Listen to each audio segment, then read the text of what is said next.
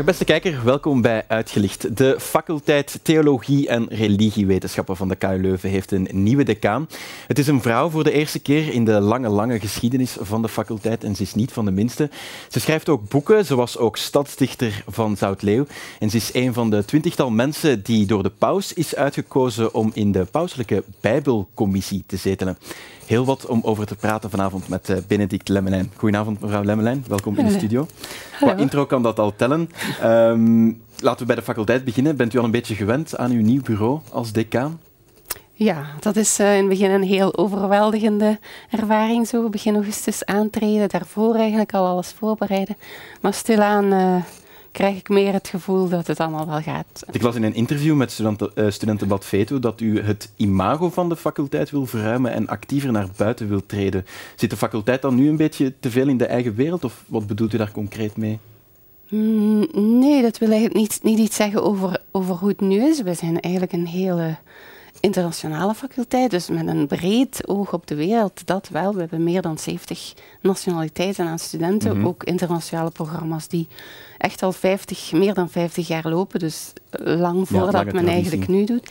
Maar wat ik daarmee bedoelde, is dat het, het imago van theologie en religiewetenschappen vandaag vaak al te eng gekoppeld wordt aan, aan een zeker vooroordeel dat dan meestal gelinkt wordt aan de kerk enzovoort. Terwijl ik eigenlijk graag zou willen tonen aan de bredere maatschappij dat onze faculteit echt wel met zeer relevante issues vandaag bezig is, waar mensen in, in de maatschappij ook uh, bekommerd om zijn. Ja. En dat we eigenlijk op die manier een beetje meer in het maatschappelijke debat, meer in het culturele landschap, in het sociale landschap, eigenlijk wat naar buiten treden als een expertisecentrum dat over zingeving nadenkt, ja, waar okay. mensen vandaag zo naar op zoek zijn. En over die zingeving, daar gaan we het uh, straks nog over hebben. Uh, u bent vooral bijbelwetenschapper, met, na met name het Oude Testament, maar u bent ook wel gelovig opgevoed. Is dat, uh, vraag me af, is dat geen moeilijke combinatie? Vasthouden aan dat geloof, maar tegelijkertijd ook kritisch, wetenschappelijk, objectief naar die teksten kijken als academicus? Dat is een heel relevante vraag die, die mij dikwijls gesteld wordt. En voor mij gaat dat wel samen. Het, het, het relativeren, zou je kunnen zeggen, um, van die absolute waarheden daar rond, brengt je juist bij het absolute. Want wat je relativeert, wordt relatief. En wat overblijft, is eigenlijk wat nog telt. En uiteindelijk, wat, wat, je, wat je dan doet met je geloof, is eigenlijk een bewuste keuze maken dat je gelooft. En mm -hmm. dat ik geloof, hangt niet af van de inhoudelijke waarheid, bijvoorbeeld of Mozes nu al dan niet historisch bestaan heeft, of dat ja, een literair... Het is geen historisch feitenboek nee, natuurlijk voilà. de Bijbel. Het, gaat, over de, het gaat over de verhalen en de boodschap. Dat is de kern. De, de, Bijbel is geen historische reportage, maar is wat wij dan zo mooi noemen existentiële literatuur. Verhalen, gedichten, poëzie en proza, die gaan over het leven zelf.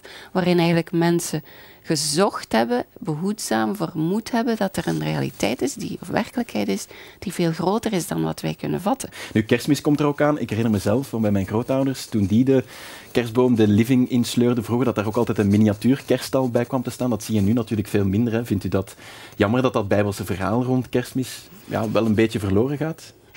Uh, ja, persoonlijk vind ik dat wel jammer, want kerstmis is, natuurlijk dat verhaal. Men, kerstmis betekent dat men, dat men eigenlijk achteruit kijkend vanuit de rol die Jezus gekregen heeft in de eerste kerk, met name de, het, het geloof dat hij de Christus, de Messias was, heeft men ook een kinderverhaal gaan maken over zijn geboorte, om eigenlijk te gaan tonen, ja, die mens was toen al speciaal, dus een speciale geboorte. En men heeft daar een verhaal rond gemaakt met motieven die al uit het Oude Testament kwamen. En dat ook daar weer geen historisch verhaal, maar wel in, in, in de grondbevestiging dat, dat daar toch iets bijzonders gebeurd is, dat God in een mensenkind onder ons gekomen is. Dat ja, is eigenlijk de, de dus u hecht er nog wel uh, belang aan. Ja, ja, zeker. Want in West-Europa toch zeker lijkt, lijken mensen meer en meer afstand te nemen ook van, van de kerk. Het wordt misschien ja, al te vaak ook wel geassocieerd met uh, schandalen van misbruik, conservatieve meningen, ook heel wat regels, dat wat niet mag. Ja, waarom zou je eigenlijk nog naar de kerk gaan of geloof hechten aan het christendom in deze dagen? Wel, het is toch wel iets dat ik een beetje wil nuanceren. Men, men, ziet inderdaad, heel paradoxaal eigenlijk, dat wat u zegt, dat kerk als zodanig, minder mensen in de kerk, minder roepingen, noem maar op, al, al die dingen die bijna cliché geworden zijn. Maar aan de andere kant vind ik het al een aantal jaren heel opvallend dat mensen op velerlei en ook veelvoudige manier wel naar zingeving aan het zoeken zijn. Dat, dat we toch wel uh, bezig zijn met het zoeken naar wat echt telt, naar wat ertoe doet, naar wat vervulling brengt. Denk maar aan tijdschriften als Happiness, Goed Gevoel, mhm, acties van de CM. Dus dat zoeken naar zingeving is meer dan ooit. Is er wel. Ja, want u schreef daar ook een boek over, hè, over mindful geluk vanuit de eeuwenoude Bijbelse wijsheid, waar u eigenlijk begrippen, die hedendaagse zoektocht naar zingeving, begrippen als yoga, meditatie, eigenlijk verbindt met het christendom, terwijl je misschien zou denken, goed, vervangen die nieuwe begrippen eigenlijk niet de oude religie? Waar maakt u de brug tussen die twee? Eigenlijk wat, wat je vandaag ziet, en inderdaad in dat boekje vertrek ik van observaties. Als je door de straten gaat, zelfs in reclamepanelen, body, mind and soul, meditatie, al die dingen. Um, dat is wel degelijk heel, heel erg aanwezig. En wat ik eigenlijk zeg is dat het, de grond daarvan is eigenlijk is eigenlijk juist wat religie in zijn fundamentele betekenis is. Met name zoeken naar wat ons verbindt en naar wat ons overstijgt. En als je nu vandaag de dag dat discours ziet naar het hier en nu dat telt, naar sociale verbondenheid, connectedness zoals dat dan heet, uh, zowel met onze omringende wereld, denk aan ecologie, als met een overstijgende werkelijkheid, ja, dan ben je eigenlijk bezig met wat religie is. Mhm. En die grondoptie is inderdaad in, in verschillende religies, in verhalen en rituelen heeft dat een uitdrukking gekregen. En nadien zijn dat godsdiensten geworden. En dat is eigenlijk ook wat mensen vandaag terugzoeken. Dus wat ik zeg is... Dat maar zet de kerk je, daar dan te weinig op in, Wel, ja, mensen denken vandaag dat dat eigenlijk alleen in Oosterse religies te vinden is. Terwijl ik in mijn boekje eigenlijk aantoon dat ook in de joods-christelijke traditie al bij de woestijnvaders een soort proto-monniken, zal ik maar zeggen. Daarna in de hele mystieke traditie, de traditie die tot onze monniken geleid heeft, mhm. de trappisten bijvoorbeeld. Ehm, maar ook inderdaad in de Bijbel zelf, ik verwijs daar naar een oud-testamentisch boek, uh, Sirach, dat eigenlijk diezelfde elementen van een evenwicht zoeken tussen het hier en nu en datgene wat ons overstijgt, waar, waar we eigenlijk niet, begrip, niet helemaal begrip van hebben, maar waar we mhm. naar streven, die balans denk aan het woord balans vandaag. Die vind je bijvoorbeeld ook al in de kloosters, ora et labora. Ja, waarom kennen we dat dan te, te, te ik, weinig? Ik, ik denk, en dat is wat ik in mijn boekje ook een beetje beschrijf, ik denk dat wij door, een, een, door de verlichting en een groeiende nadruk op rationalisering, waarin we alles zijn willen gaan vatten, bevatten, denk aan ons woord begrijpen, daar zit ook grijpen in, dat wij eigenlijk alles in woorden, in definities, in, teksten zijn, ja inderdaad, Zijn, zijn gaan proberen te, te, te beschrijven, te vatten, terwijl het eigenlijk gaat over een realiteit die we niet kunnen vatten, die we niet mhm. kunnen begrijpen. En vindt u dan dat priesters en pastoors tijdens de zondagsmis maar ruimte moeten maken voor meditatie en yoga? Uh, niet per se voor yoga in de mis, dat zou ik nu niet zeggen, maar wel dat is iets wat ik ook al een paar keer geschreven heb. Ik mis inderdaad wel in de traditionele liturgie een beetje ruimte voor gewoon even stilte. Ja, dus, en die zelfbezinning, terwijl het nu verhalen ja, na verhalen het is, zijn. Het is een heel mooi opgebouwde, voilà, het is een opgebouwde uh, opeenvolging van een aantal rubrieken die allemaal mooi en zinvol zijn als je de achtergrond kent.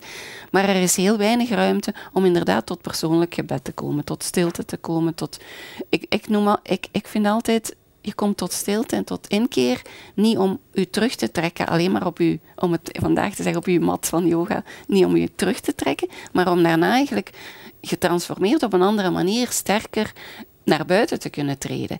En, en dus wij hebben dat eigenlijk ja, door, door meer en meer woorden en teksten zijn we eigenlijk dat initiële mediteren, contempleren, dat we wel nog in onze ordes hebben in de congregaties als de mhm. trappisten, maar zijn we eigenlijk wat verloren in, in de mainstream kerk. En vindt u dan dat dat in de priesteropleiding of zo, ik zeg maar, wat meer zou moeten worden ingebouwd, dat priesters dat ook meekrijgen mee van maak tijdens de zondagsmis wat meer ruimte daarvoor? Dat zou wel mooi zijn. Nu, ik denk wel dat in de priesteropleiding eh, ook natuurlijk is daar aandacht voor persoonlijk gebed en, en een gebedstraditie. En, en de Jezuïeten hebben daar ook een hele leer rond enzovoort.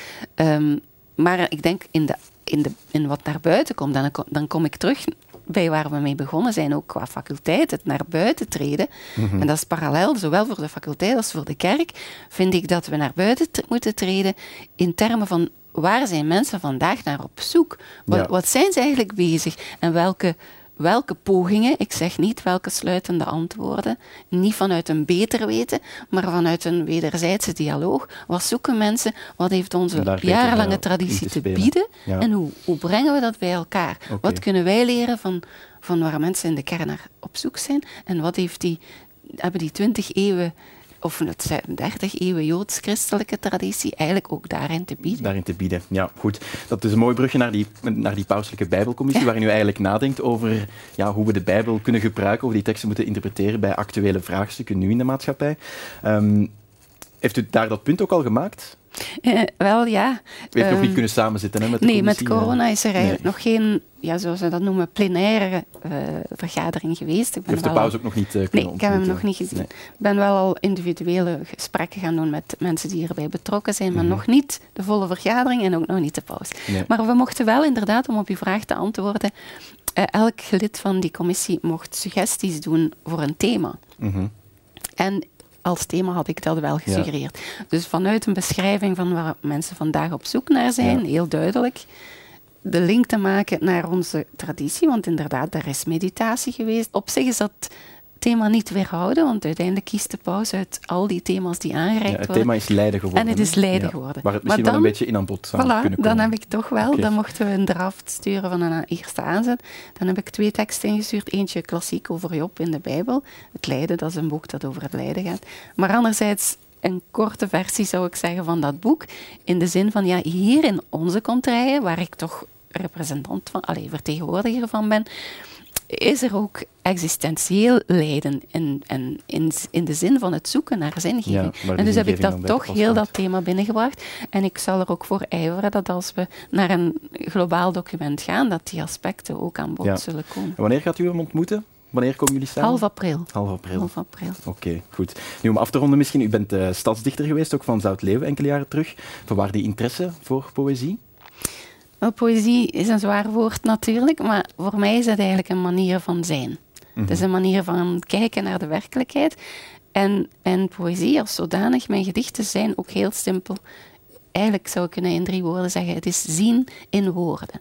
Zien, ik, denken en dan ja, ik bepaald zie gevoel. Er komt, er komt een, een zin soms is een gedicht maar één zin mm -hmm. uh, in mijn hoofd. En dan, ja, okay. en ik, ik zoek dat niet. Het is eigenlijk eerder iets dat mij overkomt. Het komt gewoon. Het komt binnen, ja. ja. We hebben nu ook gevraagd om iets mee te brengen. Wat ja. heeft u uh, precies meegebracht?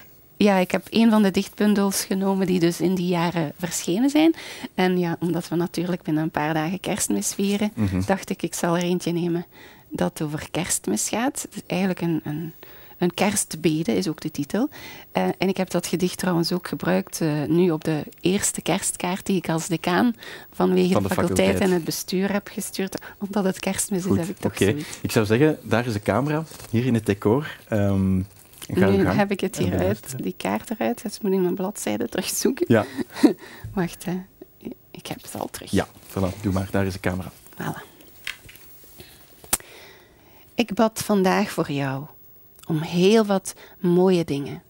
Niet om geld of goud of goed, maar dingen die doen zingen. Ik bad om liefde in je hart, om vonken in je ogen. Ik bad om heldere morgenlicht in helend mededogen. Ik bad om tederheid in heldenmoed, om elke dag in elke mens de broosheid van dit kind te dragen.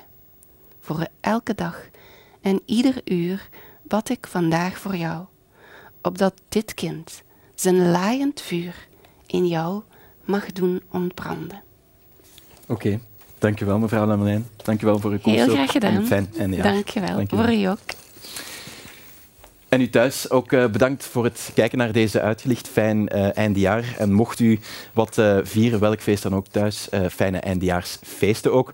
We zijn er terug volgend jaar na de kerstvakantie. In de kerstvakantie gaan we er even tussenuit. Maar op 12 januari zijn we helemaal terug. Dus bij deze officieel tot volgend jaar. Dag.